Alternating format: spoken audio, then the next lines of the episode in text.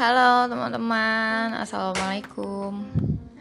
Hari ini masih pagi, jam 9an Terus um, tiba-tiba aku kepikiran suatu hal Dan kayaknya um, lebih baik aku tuangkan di sini aja ya. Berhubung bingung juga sih mau cerita ke siapa. Karena besti-bestiku sudah pada punya suami ya. Jadinya tidak bisa diganggu seperti dulu. Jadi ya udahlah ya aku cerita di sini aja ini juga nggak tahu sih bakal dipublish atau enggak jadi ya udah cerita aja kalau ternyata ini aku publish ya sudah berarti bonus ya buat kalian semua oke okay. Cita di sini mau cerita tentang um, apa ya tentang kegelisahanku akhir-akhir ini. Berawal dari pekerjaan yang menuntut aku untuk membuka TikTok setiap hari. Yang awalnya aku bukan anak TikTok, bahkan kayaknya jarang banget ya dulu tuh buka TikTok, tapi karena ya tuntutan pekerjaan jadi mau nggak mau kan ya. Lalu karena sering buka TikTok akhirnya ya mau nggak mau jadi lihat banyak konten juga gitu kan mulai dari konten yang receh konten yang joget-joget konten yang isinya galau-galau konten yang isinya orang marah-marah konten yang isinya flexing konten yang isinya uh, kegiatan di kantor. Aduh pokoknya macam-macam deh konten yang aku lihat gitu. Nah sampai akhirnya sekarang muncul yang uh, If We Never Try itu loh. Wah itu gila sih yang awalnya aku tonton itu rata-rata konten yang berhubungan sama hubungan gitu. Terus makin ke sini makin ke sini konten If We Never Try itu munculnya adalah orang-orang yang uh, awalnya buka bisnis tapi ragu ada yang mau beli nggak ya? Terus muncul tuh lagunya ya kan? Beserta before afternya gitu. Yang tadinya nggak bisa jualan terus tiba-tiba bisa jualan banyak order terus bisa sewa ruko dan lain sebagainya terus ada juga sih yang uh, awalnya bingung nih mau ngelamar kerja di mana ada nggak ya mau nerima aku? Wah akhirnya dapet tuh banyak chat di LinkedIn dari HR HR terus banyak panggilan interview tuh screenshot email email. Terus akhirnya bisa kerja di perusahaan ternama. Wah kayak gitu ya kan? Nah yang bikin aku uh, gelisah dan apa ya seperti mm, tercubit gitu ya. Kalau tertampar tuh kayaknya lebay banget gitu. Jadi aku ngerasa kayak mm, tercubit aja lah ya atau tersenggol gitu ya. Itu yang bagian uh, orang-orang buka bisnis itu sih. Kenapa sebenarnya aku nggak ada masalah ya dengan konten-konten itu gitu. Justru aku sebenarnya senang juga ketika ada orang yang awalnya ragu nggak bisa, terus akhirnya bisa gitu. Karena kan aku juga pernah ya melalui fase itu. Bahkan dulu ketika aku masih bisnis O itu, aku pun juga biasanya share hal itu tapi ke tim aku gitu kan ke downline downline tidak aku share ke luar gitu prosesnya tuh nggak aku share ke luar gitu jadi sebenarnya sangat relate gitu dan aku tahu banget rasanya gimana. Nah, tapi karena aku ngeliat kontennya itu sekarang, di mana aku sudah tidak berbisnis lagi, lebih tepatnya aku sedang tidak menjalani bisnis. Kalau nanti ke depannya who knows, gak ada yang tahu ya. Aku juga gak berani bilang deh nanti ke depannya gimana, karena ya namanya manusia bisa berubah-ubah. Nah, karena aku ngeliatnya sekarang, uh, dan rasanya tuh lebih ke sedih sih sebenarnya. Karena ya ampun dulu ternyata gue kayak gitu ya gitu. Ternyata gue dulu kayak dia yang awalnya nggak tahu nih bakal ada yang beli atau enggak bisa atau enggak gitu. Terus ternyata wah ternyata bisa ya. Sampai pada akhirnya di level terakhir aku kemarin yang ya bisa dibilang lumayan gitu. Nah dari situ aku jadi ngaca gitu kan sama diri aku sendiri. Di posisi aku yang sekarang. Kayak iya juga ya di saat orang-orang mulai pada bisnis bisnisnya berkembang sementara gue malah off dari bisnis tersebut gitu. Anyway, konten di TikTok yang aku lihat itu bukan uh, jualan merek O ya, tapi ya macam-macam. Ada yang jualan kerudung, baju, cookies dan lain-lain gitu nah itu sih yang bikin aku kayak kenapa ya gue fase hidupnya tuh selalu kebalik-balik gitu dari orang-orang. Dari zaman kuliah gue udah beda sendiri yang lain kuliah gue harus cari uang. Ya sambil kuliah juga sih. Di saat yang lain bisa jajan ini itu tiap weekend main sementara aku tidak bisa weekend harus tetap cari uang. Terus di saat mereka mau bayar kuliah tinggal mah besok aku bayaran ya. Sementara gue hmm, udah cukup belum ya tabungannya? Nah, kayak gitu.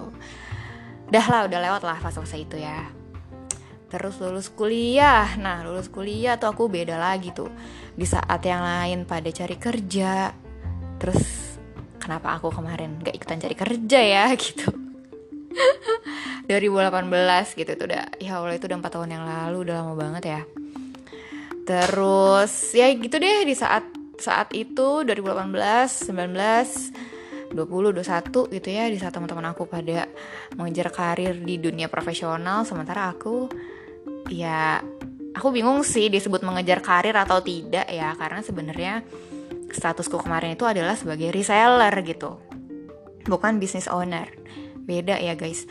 Kalau business owner itu ya kita punya bisnis sendiri kita punya produk sendiri gitu kalau reseller apalagi itu aku bisa dibilang third party ya. Jadi aku memang di bawah suatu perusahaan gitu. Jadi ya reseller murni reseller sebenarnya. Tapi memang reseller dalam partai besar gitu. Udahlah ya udah lewat lah masa-masa itu kan sampailah di titik yang sekarang nih. Nah di fase yang sekarang nih umur aku 26 dua bulan lagi 27 itu ya Allah itu kayak gila cuy gue udah 27 nih bentar lagi nih. Kenapa ya? Cepet banget gitu. Dan aku merasa gue baru masuk nih ke dunia ini gitu. Eh maksudnya ke dunia profesional ini. Terus kalau misalnya ada yang bilang kenapa nggak coba bisnis lagi aja cit? Mungkin bisa bisnis yang lain gitu. Aduh jujur ya teman-teman. Sebenarnya pengen sih pengen banget. Dan aku merasa aku uh, punya kemampuan untuk itu gitu sebenarnya. Tapi entah kenapa ya aku seperti kehilangan banyak energi gitu. Kayak kemarin hmm, kan aku jalanin bisnis yang kemarin itu 8 tahun ya total tapi ya hitunglah yang beneran ngerjain banget itu 4 tahun deh dari 2018 Nah di empat tahun kemarin itu aku merasa uh, terlalu ngepush diri sendiri gitu. Udahlah ngepush diri sendiri, ditambah ada uh, pressure dari luar gitu kan. Pressure dari luar tapi internal. Gimana bahasa ini ya? Jadi bukan orang lain gitu, tapi masih ada di lingkup itu gitu. Kebayang gak sih kalau kita ambisius itu aja udah capek ya kan? Kita ngejar sesuatu yang didorong dari diri sendiri itu aja udah capek gitu. Apalagi kalau misalnya ada pihak-pihak lain yang membuat kita merasa tertekan itu lebih capek lagi. Bayangin 4 tahun itu kan lumayan lama ya sampai akhirnya aku merasa kayak udah deh udah cukup semuanya. Makanya aku off gitu. Jadi kalau misalnya ada anggapan wah oh, Kak Cita off uh, Oriflame ya keceplosan deh tuh kan. Ya Kak Cita off bisnis O karena udah enak kerja kali. No bukan itu sebenarnya. Ya kok jadi ceritain ya? Ya udahlah intinya gitu jadi sekarang untuk memulai sesuatu yang baru yang dari nol gitu ya aku rasanya kayak I'm not ready gitu. Kayak wow gila sih kalau harus capek-capekan lagi mengulang dari nol lagi. Aku yakin aku bisa aku yakin aku mampu tapi rasanya kayak udah deh gue pengen napas dulu gitu. Karena kemarin bener-bener deh teman-teman kalau kalian tahu ya itu kayak nggak napas setiap hari setiap bangun tidur itu seperti dibayang-bayangi uh, ayo ayo ayo ayo kejar bla bla bla gitu. Nggak tahu ya itu kayak ngerti gak sih?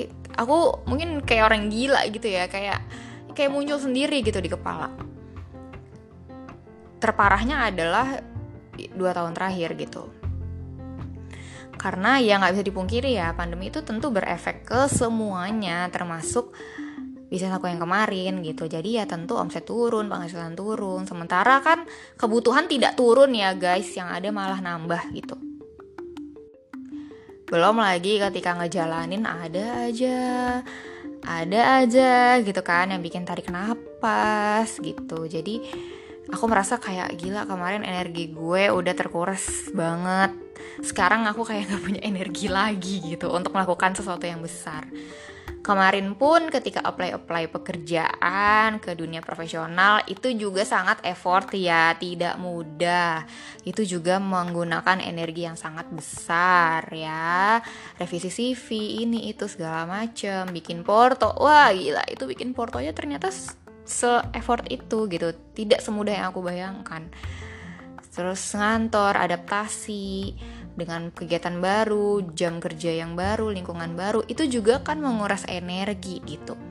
Bahkan dari uh, peralihan itu, aku belum jalan-jalan sama sekali, jadi kebayangkan ya capeknya kayak apa. Makanya ketika ngelihat konten-konten itu di TikTok itu rasanya kayak aduh gue pengen tapi hmm, kok kayak nggak ada energi lebih ya untuk itu gitu. Gitu sih sedihnya. Ya udah gitu aja guys cerita aku pagi ini. Terima kasih yang sudah mendengarkan. Semoga ada uh, pelajaran baik yang bisa diambil ya. Wassalamualaikum. Dadah